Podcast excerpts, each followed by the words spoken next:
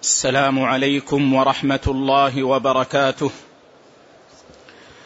إن الحمد لله نحمده ونستعينه ونستغفره ونعوذ بالله من شرور أنفسنا ومن سيئات أعمالنا.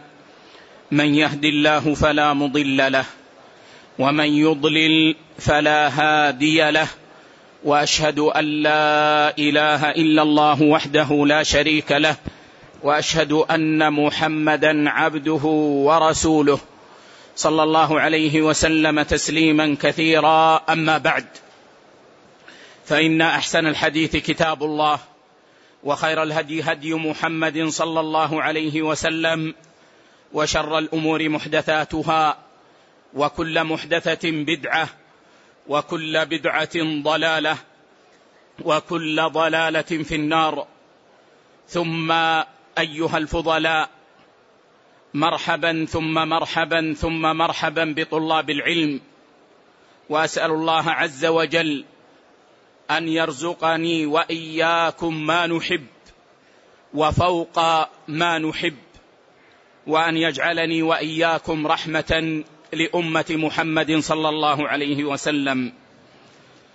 وبعد نواصل درسنا في القواعد الفقهية في شرح الكتاب الصغير في حجمه الكبير في نفعه كتاب القواعد والأصول الجامعة والفروق والتقاسيم البديعة النافعة للإمام المفسر الفقيه الأصولي الشيخ عبد الرحمن بن ناصر بن سعدي السعدي رحمه الله عز وجل.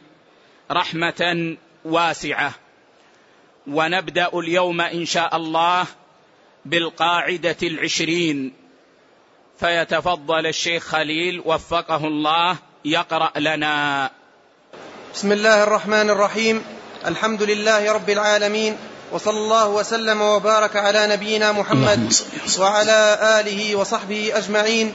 وغفر الله لنا ولشيخنا ولوالدينا والسامعين. آمين. يقول المصنف رحمه الله القاعدة العشرون إذا تعذر معرفة من له الحق جعل كالمعدوم. نعم.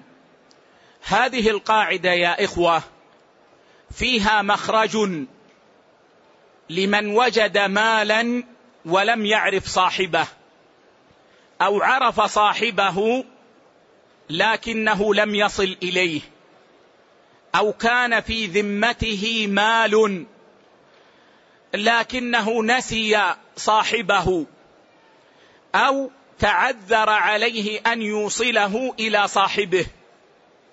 فماذا يفعل؟ معنى هذه القاعدة أيها الإخوة أنه إذا وجد مال لمالك معصوم المال ولم يعرف عينه بعد السؤال والتفتيش أو عرف عينه لكن تعذر الوصول إليه.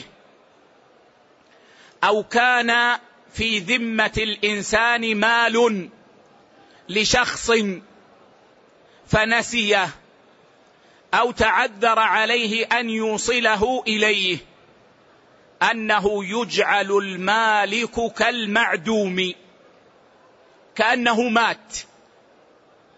فيعطى المال لأقرب من يستحقه. فإن لم يوجد من يستحقه فإنه يتصدق به عن صاحبه بنية صاحبه. وأضرب لكم أمثلة تبين المعنى. وجدت مالا في الطريق. المعلوم أن هذا المال مملوك. ما الواجب عليك؟ الواجب عليك اولا أن تضبط هذا المال بمقداره ومعرفة الوعاء الذي كان فيه. ثم الواجب عليك أن تبحث عن صاحبه. من هو؟ وذلك بأن تعرفه سنة. فإن مرت السنة ولم يأت صاحبه فإنك تعتبر أن صاحبه كأنه قد مات. فهنا يعطى المال لأقرب المستحقين. وأقرب المستحقين هو من التقط هذا المال. هو أقرب المستحقين. فمن التقط هذا المال بالخيار؟ إن شاء استفاد من هذا المال. اشترى باع أكل شرب من هذا المال. وإن شاء تصدق به عن صاحبه. على أنه يجعل في نيته في الحالين. أنه لو جاء صاحبه ولو بعد سنتين أنه يعطيه حقه أو يمضي له ما فعل. أنا وجدت ألف ريال. أعلنت عنها وعرفت عنها سنة. ما جاء صاحبها. يعطى الألف لي ويقال خذ شأنك به. تصرف. إن شئت وضعت الألف مع مالي. واشتريت الأكل لي ولأولادي وأكلت وشربت هذا حلال. وإن شئت تصدقت بالمال بنية صاحبه. وأعزم في نفسي أنه لو جاء صاحبه بعد مدة وعرفه أني أعطيه المال. أو يمضي لي فعلي. يقول خلاص أكلت الحمد لله. يقول تصدقت جزاك الله خيرا. طيب. استدنت من جارك عشر آلاف. ثم إن جارك ترك البلد. سافر وترك البلد هاجر من البلد. بحثت عنه. ما وجدت له طريقا. ما عرفت اين هو تعذر عليك أن تصل إليه. ما الواجب؟ الواجب أن توصل المال إلى أقرب المستحقين وهم ورثته إن كانوا موجودين في البلد. نعم هو هاجر لكن أخاه معنا في البلد.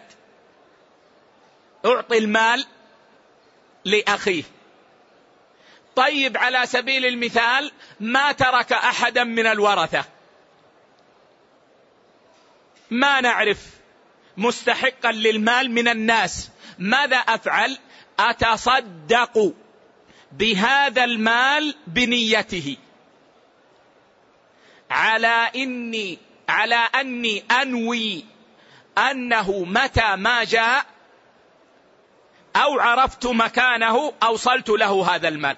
وإلا برئت ذمتي. طيب. كنت وأنت صغير وهذا يقع من كثير من الناس. إذا دخلت المحلات تأخذ شيئا. تذهب تأخذ من الحلوى خفية. وتأكل الحلوى. تأخذ علبة عصير خفية وتشربها في المحل. كثير من الناس ما سلموا من هذا. طبعا الصبي لا يأثم لأنه غير مكلف لكن المال يثبت في ذمته. المال من باب الحكم الوضعي يثبت في ذمته. طيب أنا ما أعرفهم بأعيانهم أو أعرفهم بأعيانهم وقد ذهبوا. ماذا أفعل؟ أتصدق بذلك المال عنهم. عمن أخذت من محلاتهم. هكذا. طيب تقول والله أنا ما ما أعرف المقدار. نقول تحرى. قدر.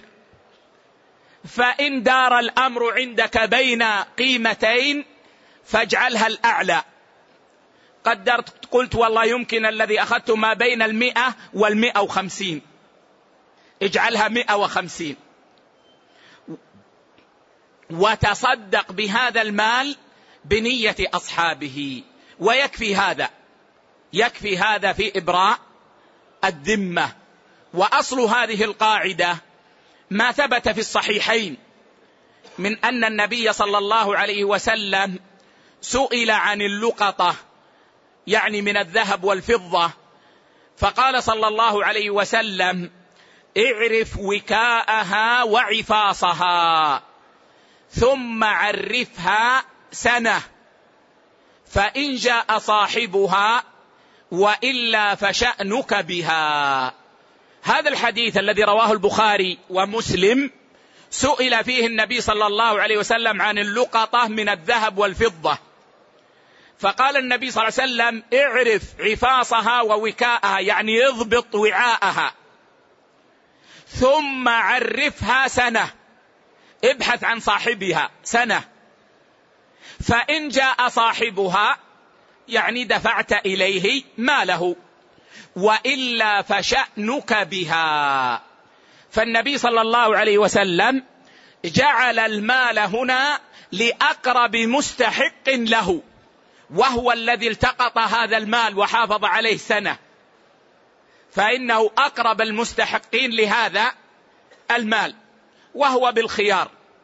يفعل فيه ما شاء إن شاء أنفق وإن شاء تصدق. فهذه القاعدة جليلة القدر ويحتاجها الناس. لكن ينبغي أن نعلم يا إخوة أنه إذا كان لأحد في ذمتك مال وكنت تعرفه وتستطيع الوصول إليه لا يجزئك أن تتصدق بالمال عنه. بل لا بد من أن توصل له المال. أو تستبرئ تستأذن منه. يعني بعض الناس يا إخوة يأتينا ويسأل يقول يا شيخ أنا في أيام الطيش سرقت من جاري ذهبا سرقت نقودا وأنا الآن ولله الحمد والمنة تائب لكن أستحي أن أرد المال لجاري فأنا أريد أن أتصدق بهذا المال عنه. نقول لا ما يكفي ولا يجزي ولا يجوز. يجب أن توصل المال إليه لكن لا يلزم أن تقول أنا سرقت منك. يمكن أن تضعه في ورقة في ظرف وتكتب عليه لفلان ابن فلان هذا مال لك في ذمة أحد إخوانك. وتضع في السيارة ترسل به أحدا أو نحو ذلك. هذا ينبغي أن يتنبه له. ونقرأ ما سطره الشيخ ونشرحه. نعم. قال رحمه الله يعني إذا علمنا أن المال ملك للغير ولكن ذلك نعم يعني إذا علمنا أن المال ملك لمعين معصوم المال معصوم المال. فإذا وجدناه في ديار المسلمين فلا شك أنه ملك لمعصوم المال. أو وجدناه في ديار الكفار الذين عاهدناهم ودخلنا ديارهم بتأشيرة. أو آآ آآ كنا يعني مقيمين في ديارهم فإن الأصل أنه لمعصوم. أنه لمعصوم. غير أننا إذا وجدناه في ديار الكفار لا نتصدق به بنية صاحبه لأن صاحبه ليس أهلا للصدقة وإنما نصرفه نعطيه لمن ينتفع به نعطيه لمن ينتفع به لا على سبيل الصدقة. نعم. قال رحمه الله ولكن ذلك الغير تعذر علينا معرفته وأيسنا منه جعلناه كالمعدوم. أو عرفناه لكن تعذر علينا أن نصل إليه. عرفنا أن فلان بن فلان. لكن تعذر علينا أن نصل إليه. نعم. قال رحمه الله ووجب صرف هذا المال بأنفع الأمور إلى صاحبها أو إلى أحق الناس بصرفها إليه. لو عكس الأمر لكان أحسن. لأن الأصل أن يصرف المال إلى أحق الناس. إلى أحق الناس. فإن لم نجد من يستحق هذا المال فإنا نصرفه في الصدقة. ونجتهد في أن يكون ذلك في أصلح ما يكون. نعم. قال رحمه الله ويترتب على هذا اللقطة إذا تعذر معرفة صاحبها بعد التعريف. فهي لواجدها لأنه أحق الناس بها. نعم وقلنا يا إخوة هو بالخيار شأنه بها إن شاء أنفق وإن شاء تصدق. نعم. قال رحمه الله ومن كان بيده غصوب أو ودائع أو أمانات أخر جهل أربابها وأيس من معرفته وأيس من معرفته فإن شاء دفعها لولي بيت المال ليصرفها في المصالح النافعة وإن شاء تصدق بها عن صاحبها ينوي أنه إذا جاء صاحبها خير بين أن يجيز تصرفه ويكون لصاحبها الثواب كما نواه المتصدق أو يضمنها له ويعود أجر الثواب للذي باشر الصدقة. نعم من كانت بيده غصوب يعني أموال كان قد غصبها ثم تاب لكنه لم يعرف أصحابها. أو لم يقدر أن يصل إليهم. أو ودائع. شخص أودع عندك شيء. أحيانا بعض الحجاج مثلا يقول لك ضع هذه الحقيبة عندك. أنا سأذهب إلى مكة وأعود إن شاء الله. يشاء الله فيذهب إلى مكة ولا يعود. وأنت ما تعرفه. ما تعرفه؟ نعم عرفته في المدينة في الحرم عرفت كذا من بلدك لكن ما تعرف عينه. فإنه يدخل معنا في هذا المثال. أو أمانات. أخر جهل أربابها أو جهل أربابها لأنه قال من كانت بيده. وأيس من معرفتهم. هذا الأصل أن يقال أيس من معرفتهم لأنه قال أربابها. فإن شاء دفعها لولي بيت المال إذا كان بيت المال يستقبل هذا ويجعل هذا في مصالح المسلمين. وإن شاء تصدق بها في أصلح ما يرى. على أنه ينوي أنه إذا جاء صاحبها خيره بين أن يمضي فعله وبين أن يرد المال إليه. قال رحمه الله وكذلك الأموال التي بيد السراق أو قطاع الطريق إذا علم أنها للناس وجهلوا صرفت. وجهلوا وجهلوا وجهلوا صرفت للمصالح العامة أو أو تصدق بها على الفقراء وحلت لمن تصدق عليه بها لأنه أيس من معرفة أربابها فكأنهم معدومون نعم الأموال التي بيد السراق سراق أو قطاع طرق تمكنا منهم تمكن السلطان منهم ووجدت في أيديهم أموال كثيرة واعترفوا بأنهم قد سرقوها وليست لهم ولكنهم لا يعرفون أصحابها. ما استطعنا أن نصل إلى أصحابها فإنه في هذه الحال إما أن توضع في بيت مال المسلمين وتصرف للمصالح العامة وإما أن يتصدق بها. وهي حلال لمن تصدق عليه بها لأن أصحابها يعني كالمعدوبين فيتصدق بها عنهم يتصدق بها عنهم ولا حرج. لا حرج على المتصدق عليه أن يأكل هذه الأموال. نعم.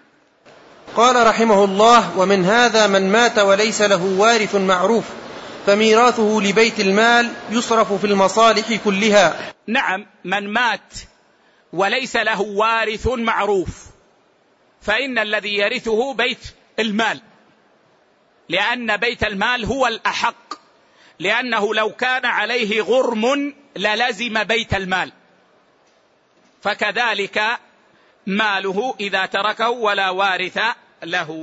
نعم. قال رحمه الله ومثله من لم يعرف لها ولي فإنه يجعل كالمعدوم فيزوجها الحاكم. نعم المرأة إذا لم يعرف لها ولي أو عرف ولم يمكن الوصول إليه. نعم هذه المرأة لها أب. وهذا الأب تركها وهي بنت أشهر. وذهب إلى بلد بعيد. ولا يعرف أين ذهب. ولا يمكن الوصول إليه. يمكن أنه حي لكن ما يدرى. يجعل كالمعدوم. فينتقل إلى الولي التالي. كأخيها مثلا. فإن لم يوجد لها ولي فإنه ينتقل إلى الوالي الحاكم أو من ينيبه الحاكم. فيكون وليا لها. فإن لم يوجد حاكم ولا من يقيمه الحاكم كالمسلمين في بلاد أوروبا. فإن وليها من يقوم بأمر المسلمين. في شأن التزويج ونحوه. إن كان هناك اتحاد إسلامي هو الذي يتولى هذا فإنه يكون الولي. وإن لم يكن هناك اتحاد إسلامي لكن أئمة المساجد هم الذين يتولون هذا فإنهم يكونوا أولياء. فإن لم يوجد هذا أيضا فإن المرأة تقيم وليا لها. تقيم وليا لها. ممن ترتضيه فتقول يا فلان زوجني. يا فلان زوجني فيكون وليا لها. نعم. قال رحمه الله القاعدة الحادية والعشرون. الغرر والميسر محظور في المعاوضات والمغالبات. نعم. هذه القاعدة متعلقة بأكل الأموال ومن المعلوم المقطوع به أنه يحرم علينا أن نأكل الأموال بالباطل ولا تأكلوا أموالكم بينكم بالباطل. فمن قطعيات الشريعة أنه يحرم علينا أن نأكل المال بالباطل. والعلماء قالوا إن أكل المال بالباطل يعود إلى ثلاثة أمور. إما بالظلم وإما بالغرر وإما بالميسر. إما بالظلم مثل الربا. الربا ظلم. ومثل الغبن الزيادة على الثمن. المعلوم زيادة فاحشة. ظلم. النجش. وهو الزيادة في ثمن السلعة لمن لا يريد شراءها لكن يريد أن ينفع البائع أو يضر المشتري. ظلم. وأما الغرر فالغرر هو كل أمر مجهول العاقبة. كل أمر مجهول العاقبة. كأن يكون المبيع مجهولا بعينه. ما يعرف. قلت لك أبيعك ما في هذا الكيس. وأنت لا تدري ما هذا. هذا غرر. أبيعك ما في بطن هذه الدابة. أبيعك ما في بطن هذه الدابة. الذي في بطن هذه الدابة مجهول.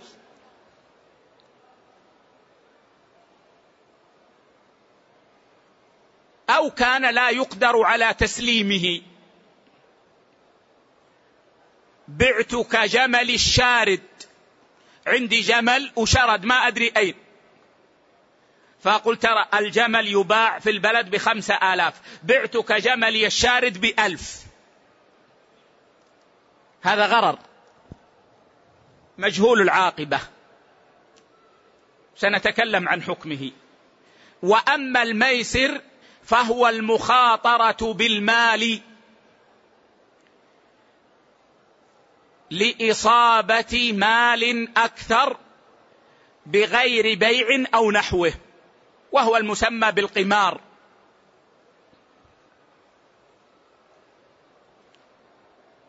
تأتي إلى بعض المحلات مثلا ويقول تعال ادفع خمسة ريال وخذ هذه البندقية.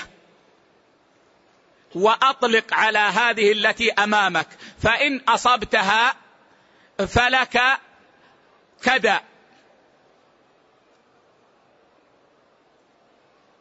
هذا قمار ميسر. والقاعدة متعلقة بالسببين الغرر والميسر. الغرر في المعاوضات والمعاوضات هي العقود التي يكون العوض فيها متبادلا من الطرفين. العقود التي يكون العوض فيها متبادلا من الطرفين. مثل البيع. أبيعك كتابي هذا بعشرة فأنا أعطيك الكتاب وأنت تعطيني عشرة. والإجارة. أجرتك بيتي بألف. فأنا أعطيك منفعة البيت وأنت تعطيني الأجرة. هذه معاوضات. والميسر في المغالبات. والمغالبات كل عمل يكون بين اثنين فأكثر. يحرص كل واحد منهما على أن يغلب صاحبه. كل عمل يكون بين اثنين فأكثر. يحرص كل واحد منهما على أن يغلب صاحبه. وقد تسمى المسابقات. تسمى وقد تسمى المسابقات. فالغرر في المعاوضات حرام. لأن النبي صلى الله عليه وسلم نهى عن بيع الغرر.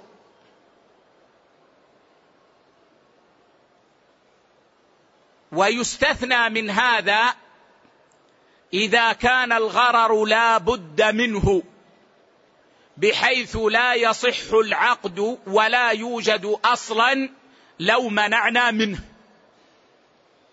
وأضرب لكم مثالا البيض. البيض عندما نشتريه أليس فيه غرر؟ فيه غرر. يمكن أن البيضه فاسدة. يمكن أن البيضة فاسدة.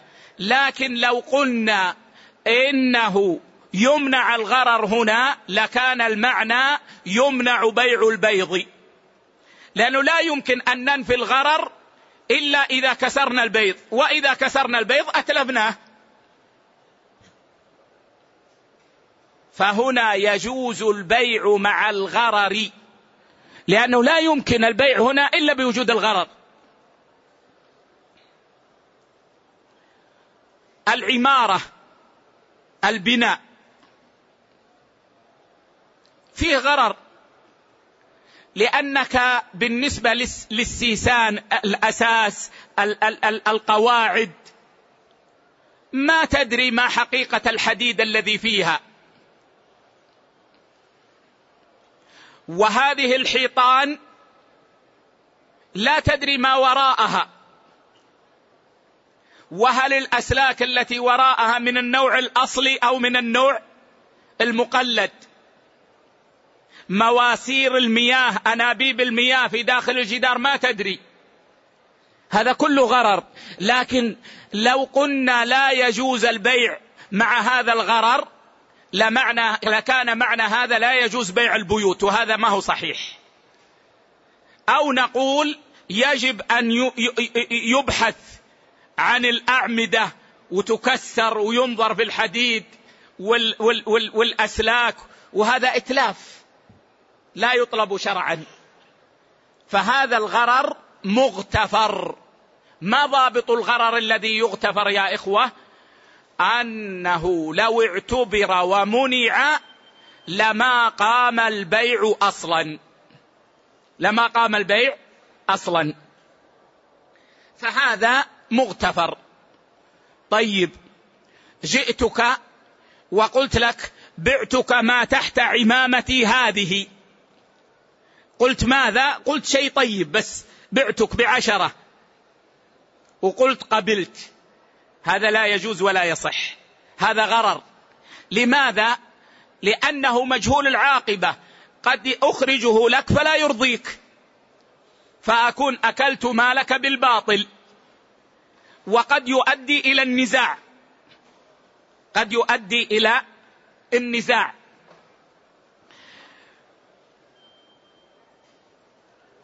بعتك السمك في البحر.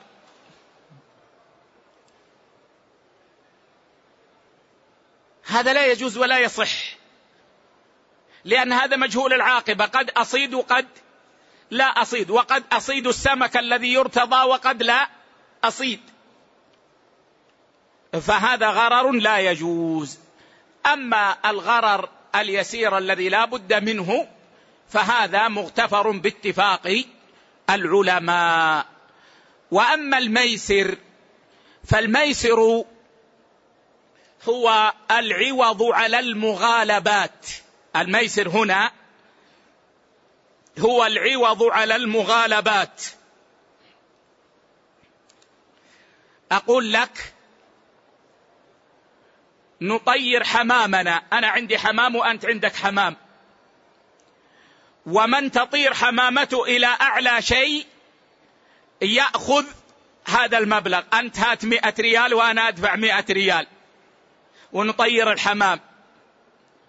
ومن طارت حمامته إلى أعلى يأخذ المبلغ. هذا ميسر قمار. حرام. باتفاق العلماء. لا يجوز. ويستثنى من ذلك العوض في سباق الجمال. والعوض في سباق الخيل. والعوض في سباق في السباق بآلات الحرب كالحربة والسيف. فإن العوض هنا جائز بل مستحب لأن فيه إعانة على الإعداد للجهاد.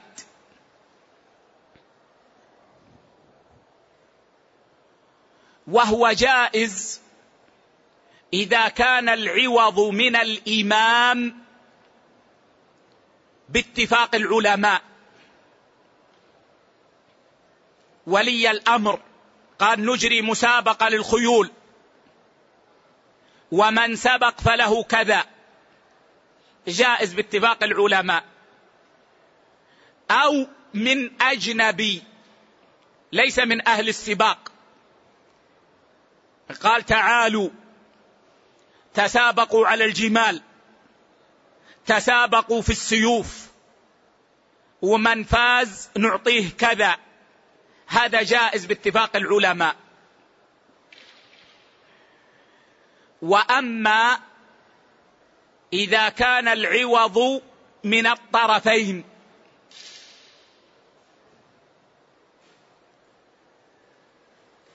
فقط. أنا وأنت نتسابق على الخيول. أنت دفعت مئة وأنا أدفع مئة. والذي يسبق يأخذ المئتين. فهذا أكثر العلماء على تحريمه. حتى نص ابن عبد البر وغيره على الإجماع على تحريمه. وقالوا إنه إذا كان هكذا فهو قمار ميسر. والجماع لا والإجماع لا يثبت. والاتفاق لا يثبت بل في خلاف. والراجح أنه يجوز لعموم الحديث الذي سيأتينا في الكتاب إن شاء الله لا سبق إلا في خف أو نصل أو حافر أو كما قال صلى الله عليه وسلم. والحديث رواه الخمسة بإسناد صحيح. لا سبق يعني لا عوض. وسيأتي إن شاء الله في الكتاب. والصورة الثالثة إن كان بعوض من الطرفين وادخلا اجنبيا معهما.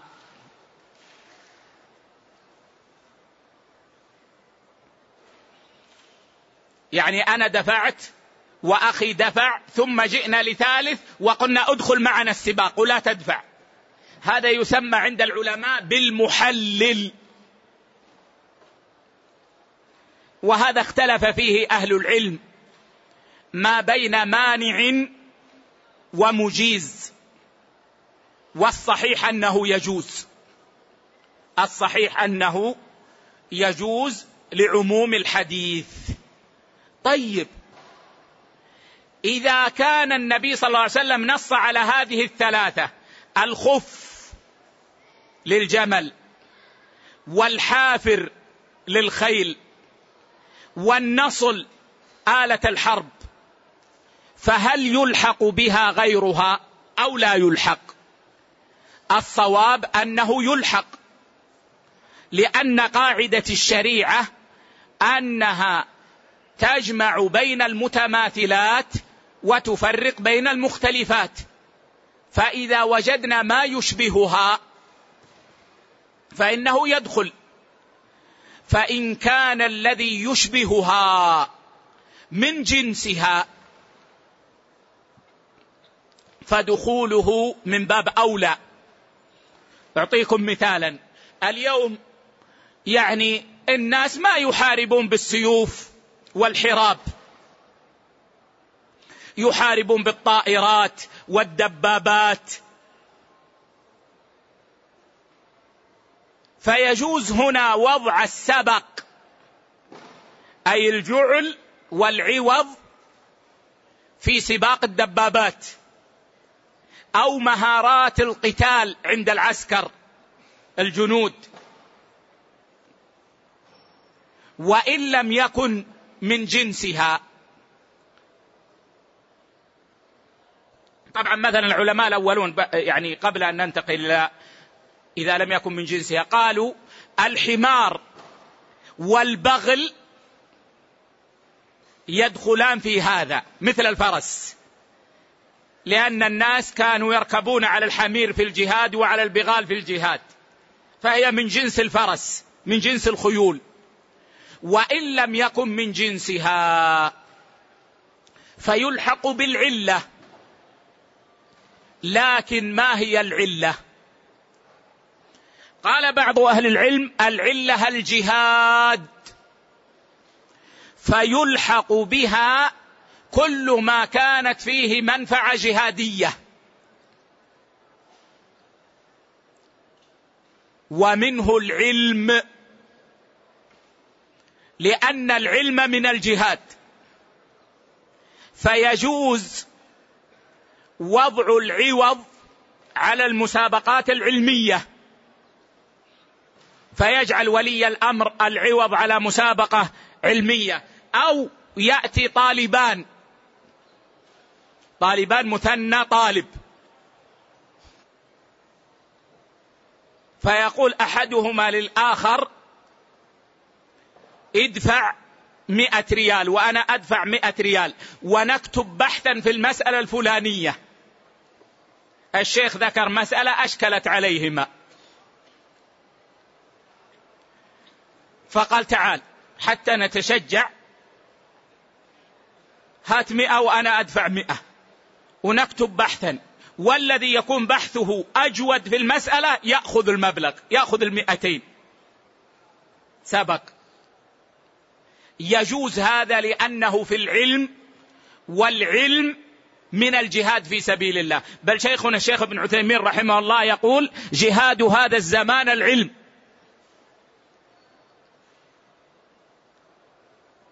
وقال بعض أهل العلم بل العلة المصلحة العامة. وهذا أوسع من الجهاد. إذا كان فيه مصلحة عامة فإنه يجوز أخذ العوض في هذه المسابقات دون غيرها.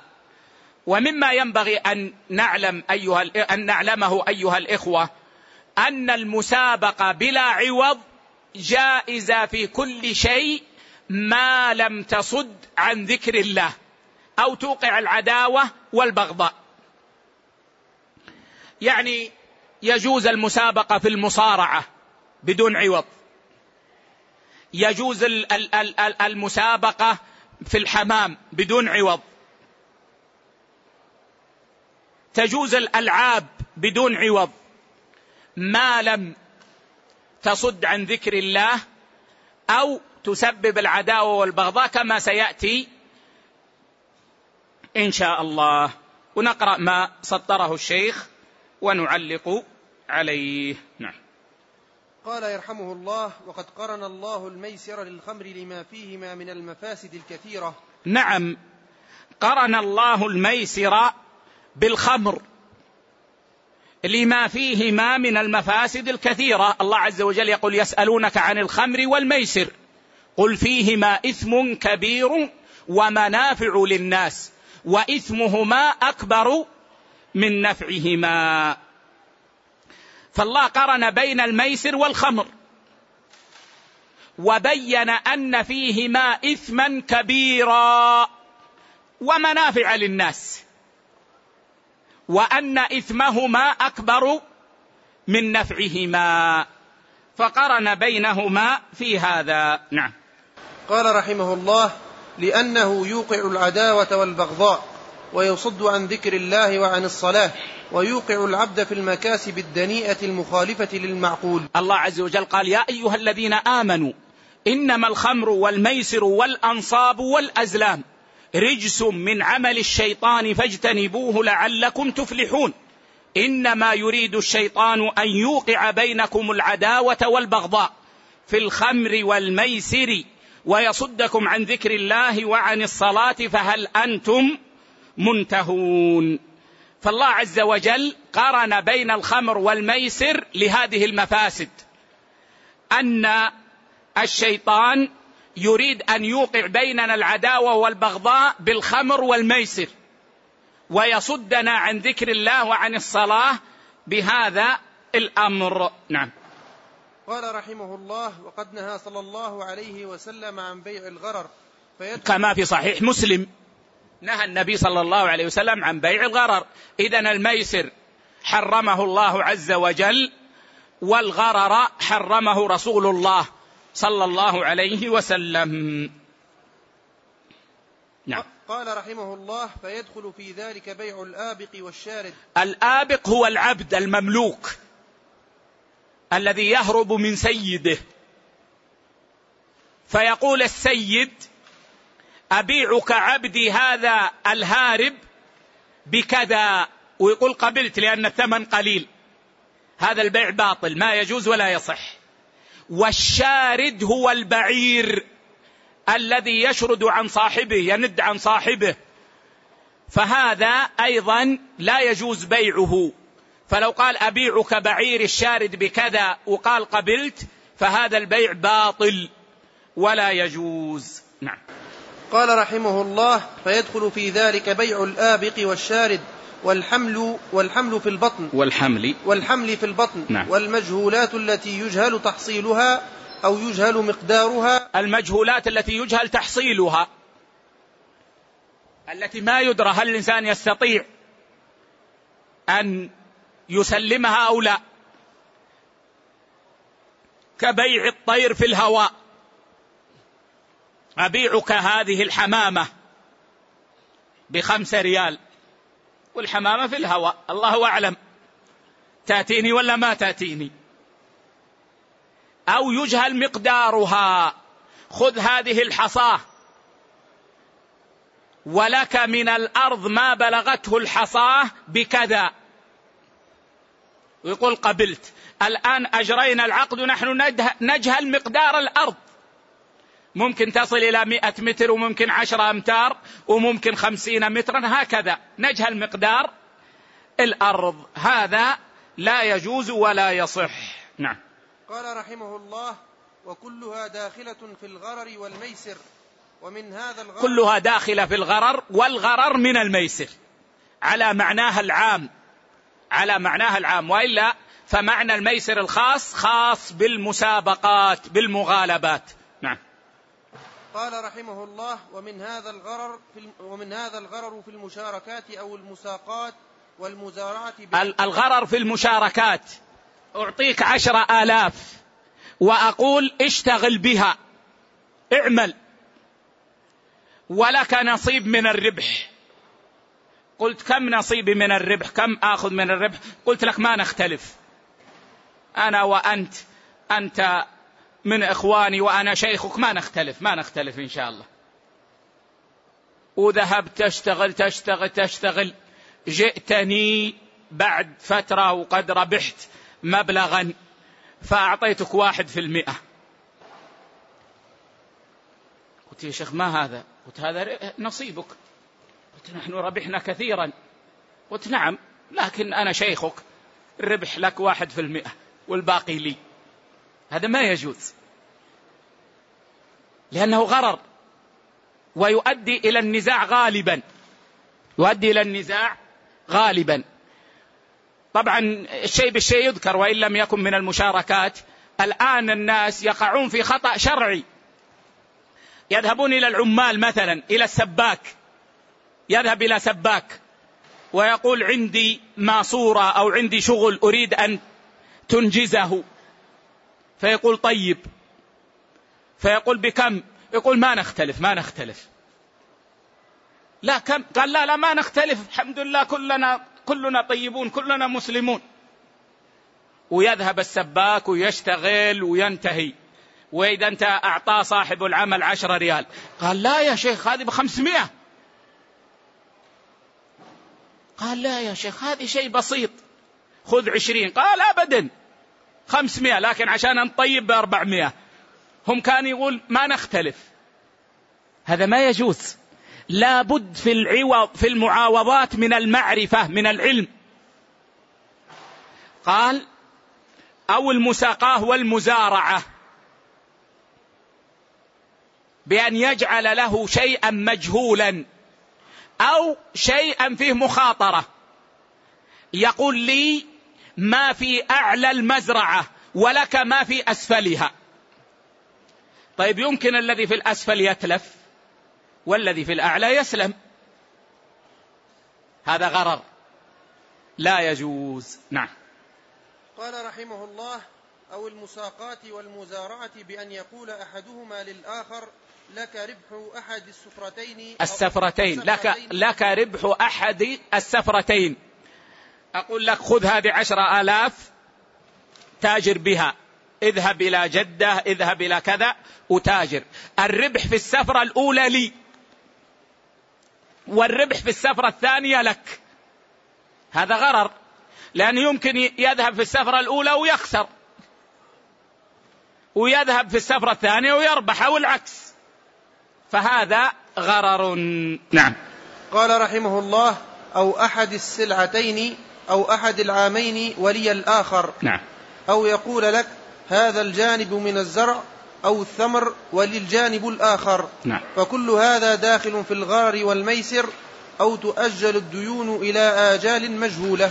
أو تؤجل الديون يعني الثمن الذي في الذمة يؤجل إلى أجل مجهول. فأقول مثلا بعتك سيارتي هذه بخمسة آلاف. فتقول قبلت ولكن أجلني. وأقول طيب الثمن هنا مجهول. الثمن هنا مجهول. ولا يجو الأجل هنا مجهول. ولا يجوز هذا في المعاوضات. لا يجوز هذا في المعاوضات لا بد أن يكون الأجل معلوما. أدفع الثمن بعد شهر بعد سنة بعد سنتين يكون الأجل معلوما. أما إذا كان مجهولا فهو غرر لأنه يؤدي إلى النزاع. يؤدي إلى النزاع. ربما تتلف السيارة وهذا ما جاب الثمن. ويقول أنت أجلتني. وهذا لا يجوز. أما دين الإرفاق دين الإرفاق دين الإحسان ليس معاوضة. فيجوز على الراجح من أقوال أهل العلم أن يكون الأجل مجهولا. تأتيني تقول يا شيخ أقرضني ألف ريال. فأقرضك. تقول يا شيخ متى أرد الألف؟ أقول لك متى ما تيسر لك. متى ما تيسر لك. ال ال ال ال ال الناس يقولون إلى حين ميسرة. إلى حين ميسرة. هذا جائز على الصحيح لأن هذا الدين مبني على الإرفاق أصلا. مبني على الرفق على الإحسان. فيجوز الإحسان فيه بمد الأجل. بمد الأجل على الراجح من أقوال أهل العلم. إذا يجب أن نفرق يا إخوة بين ما في الذمة في باب المعاوضات وبين الدين الذي يقصد به الإرفاق والإحسان. فما في الذمة من المعاوضات لا بد أن يكون أجله معلوما. أما ما يكون المقصود به الإرفاق والإحسان فلا بأس من أن يقال إلى حين ميسرة. نعم.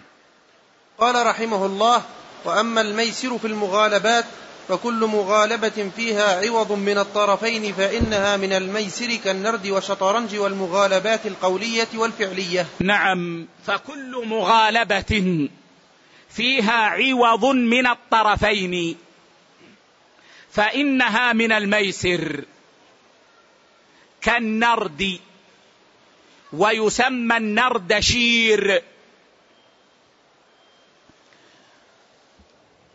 وبناء على وصف العلماء له وهو لعبة قديمة هو ما يسمى في بعض بلدان المسلمين اليوم بالطاولة. هذه اللي تكون في علبة وتفتح وتكون مقسمة أربع أقسام. وفيها ثلاثون حبة بيضاء وسوداء وفيها زهر ونرد توضع فيه فصوص أعلاها ستة وفي خطوط قد تكون اثنى عشر متقابلة. هذه الطاولة وهذا هو وصف النرد وهو لعبة من قبل الرسول صلى الله عليه وسلم. لعبة فارسية. يقال إن الذي اخترعها أحد حكام الفرس. يقال له زردشير أو نردشير.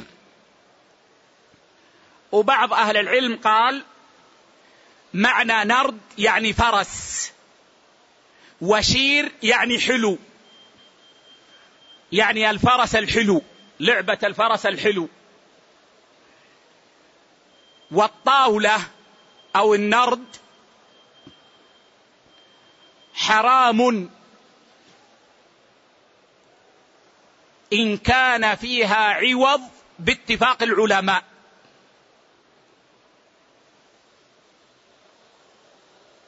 إن كان فيها عوض باتفاق العلماء حرام. يلعبون الطاولة واللي يغلب يأخذ كذا. حتى لو قال المشاريب عليك. بعض المسلمين يلعبون الطاولة في القهوة. ويقول إذا غلبتك في المشاريب يعني بينهما مشاريبهما علي. عليك.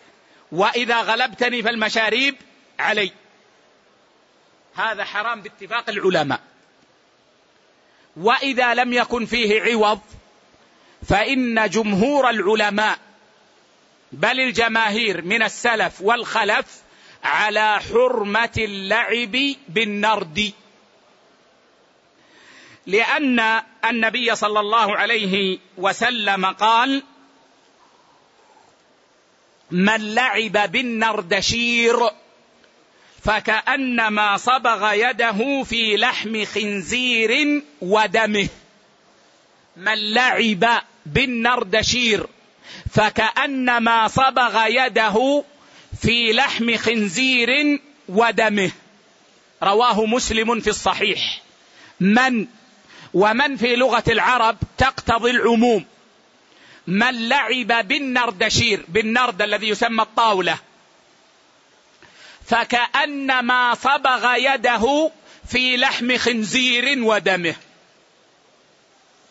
هذا حرام. حرام ان يصبغ الإنسان. يده في لحم الخنزير أو دم الخنزير. وقال العلماء أراد النبي صلى الله عليه وسلم مع بيان الحرمة تشديد القبح. فإنه لو أن مسلما يضع يده في دماء الخنازير لاستقبح ذلك كل مسلم. فكذلك إذا لعب بالنرد. وقال النبي صلى الله عليه وسلم من لعب بالنرد فقد عصى الله ورسوله. من لعب بالنرد فقد عصى الله ورسوله. رواه أبو داود وابن ماجه وحسنه الألباني. وثبت عن أمنا عائشة رضي الله عنها أنه كان عندها أناس في دار من بيتها وكان عندهم نرد فأرسلت إليهم أن أخرجوه أو اخرجوا. فهذا عند مالك في الموطأ وغيره. كان هناك ناس في دار من بيت عائشة رضي الله عنها. فكان عندهم نرد فبلغها رضي الله عنها. ماذا فعلت؟ أرسلت إليهم. أخرجوا النرد من بيتكم من داركم أو اخرجوا من بيتي.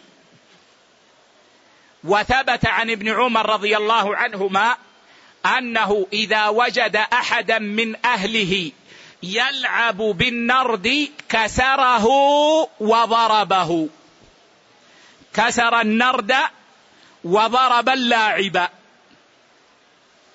ولا يكون ذلك إلا وقد علم تحريمه.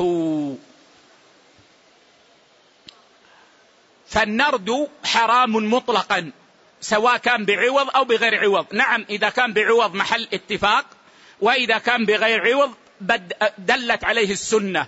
والمسلم قول النبي صلى الله عليه وسلم أحب إليه من الطاولة في القهوة.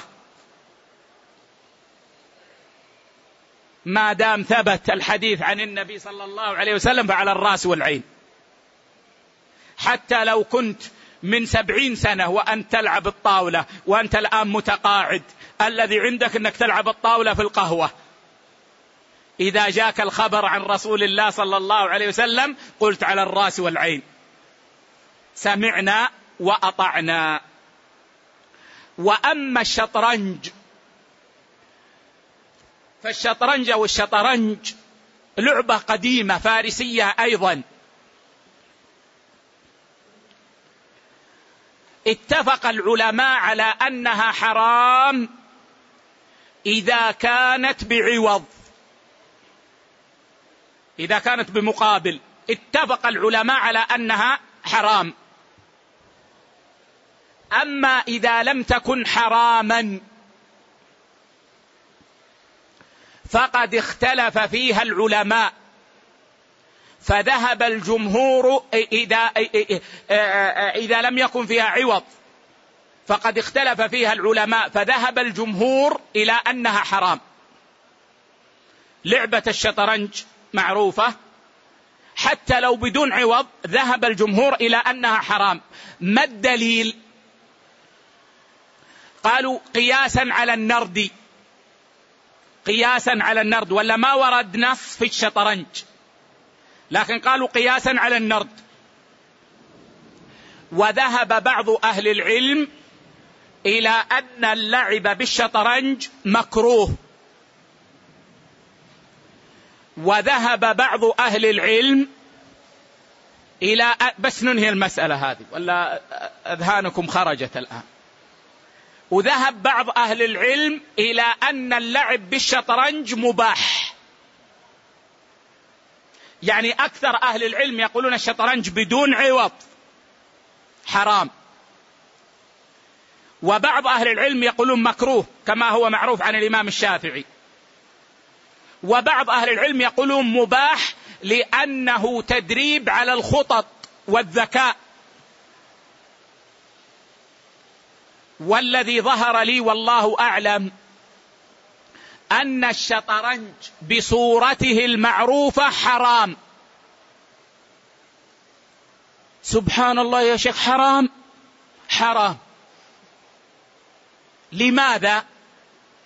لأن هذا الشطرنج فيه تماثيل. تمثال الفرس. ونحو ذلك. والتماثيل حرام أصلا بدون شطرنج. ولذلك صح عن علي رضي الله عنه أنه مر على قوم يلعبون بالشطرنج. فقال ما هذه التماثيل التي أنتم لها عاكفون؟ ثبت عن علي رضي الله عنه أنه مر على قوم يلعبون بالشطرنج فقال ما هذه التماثيل؟ لأن فيها الفيل وفيه الفرس وفيه القلعة القلعة ما, ما هي مشكلة. الفيل والملك والفرس. قال ما هذه التماثيل التي أنتم لها عاكفون؟ فقال بل الرقعة. أما إذا جعل الشطرنج بلا تماثيل. لو فرضنا أنهم اخترعوا أن المسلمين اخترعوا لهم لعبة على طريقة الشطرنج لكن ما فيها تماثيل. فيها مثلا شيء أبيض وشيء أخضر وشيء أحمر وليس تماثيل. ولا عوض. فيظهر لي والله أعلم أنه جائز. وإن كان تركه أولى هو جائز. ما دام ما في تماثيل. ولكن لو ترك لكان أحسن خروجا من خلاف أهل العلم. طيب بقي غير النرد والشطرنج من الألعاب ما حكمها؟ نقول الألعاب إذا كانت بعوض فهي حرام. الألعاب إذا كانت بعوض فهي حرام. كما قلنا بعض ملاهي الأطفال وبعض المحلات يقولون ارمي الكرة. هات ريالين وارمي الكرة. وما أصابته الكرة فهو لك. يمكن تصيب شيئا بعشرين يمكن تصيب شيئا بمئة ويمكن ما تصيب. وأكثر الناس ما يصيبون. هذا حرام. قمار. وإن كانت بغير عوض. لكنها توقع العداوة والبغضاء. أو تصد عن الصلاة. أو عن ذكر الله فهي حرام. إذا كان اللعب يوقع العداوة والبغضاء فإذا لعبوا تعادوا وتباغضوا وتنافروا ولربما تقاتلوا. يصبح هذا اللعب حراما.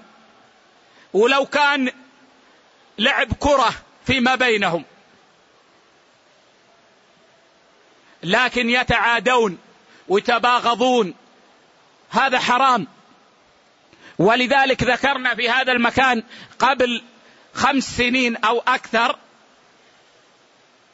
أن لعب الكرة حتى لو قلنا إنه مباح.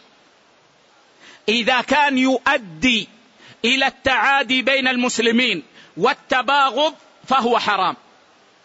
وكان ذلك تعليقا مني على ما وقع بين إخواننا في مصر والجزائر.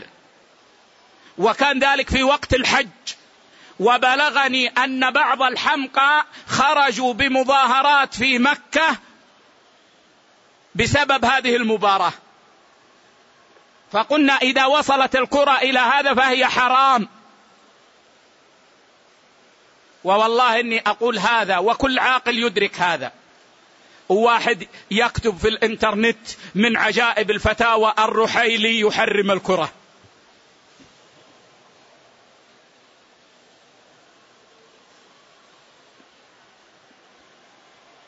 الله عز وجل جعل لنا هذا ضابطا. الألعاب التي توقع العداوة والبغضاء بين المؤمنين إذا وصلت إلى هذا أصبحت حراما. ولذلك أنا أفتي بأن ما يسمى بلعبة البالوت حرام. لعبة بالورق. يلعبها اربعه أشخاص. حرام. لماذا؟ لأني وجدت أن هذه اللعبة يقارنها الشيطان دائما.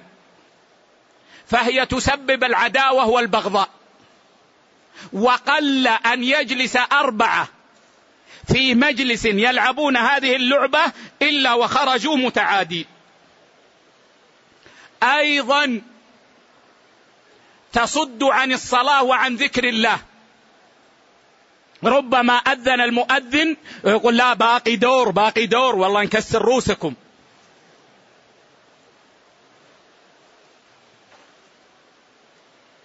وليس فيها الحمد لله سبحان الله الله أكبر. فيها في الغالب السب والشتم وقد يصل الأمر إلى لعن الوالدين. العب لعن الله والديك. وهذا حرام. وما يؤدي إلى الحرام حرام. ولو كان مباحا في أصله. اذا الألعاب يا إخوة إذا لم تكن بعوض لكنها توقع العداوة والبغضاء بين المؤمنين. أو تصد عن ذكر الله وعن الصلاة فهي حرام وإن كانت مباحة في الأصل. وإن خلت من ذلك فهي حلال.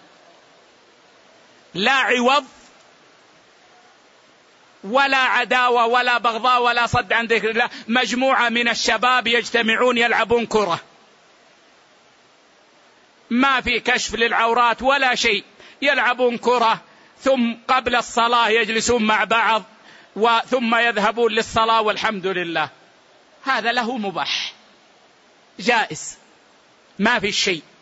ما دام ما فيه عوض. ولا يصد عن ذكر الله ولا عن الصلاة ولا يسبب حراما ولا يوقع في العداوة والبغضاء فهو مباح. هذا ما دعا إليه قول الشيخ كالنرد والشطرنج والمغالبات القولية والفعلية. ولعلنا نقف عند هذه النقطة ونكمل إن شاء الله في درسنا القادم وغدا إن شاء الله. لن نجلس كالعادة لأن يوم الاثنين يوم استراحة ونجلس يوم الثلاثاء إن شاء الله على شرح صحيح الترغيب والترهيب. ونكتفي بهذا القدر. والله أعلم. وصلى الله على نبينا وسلم.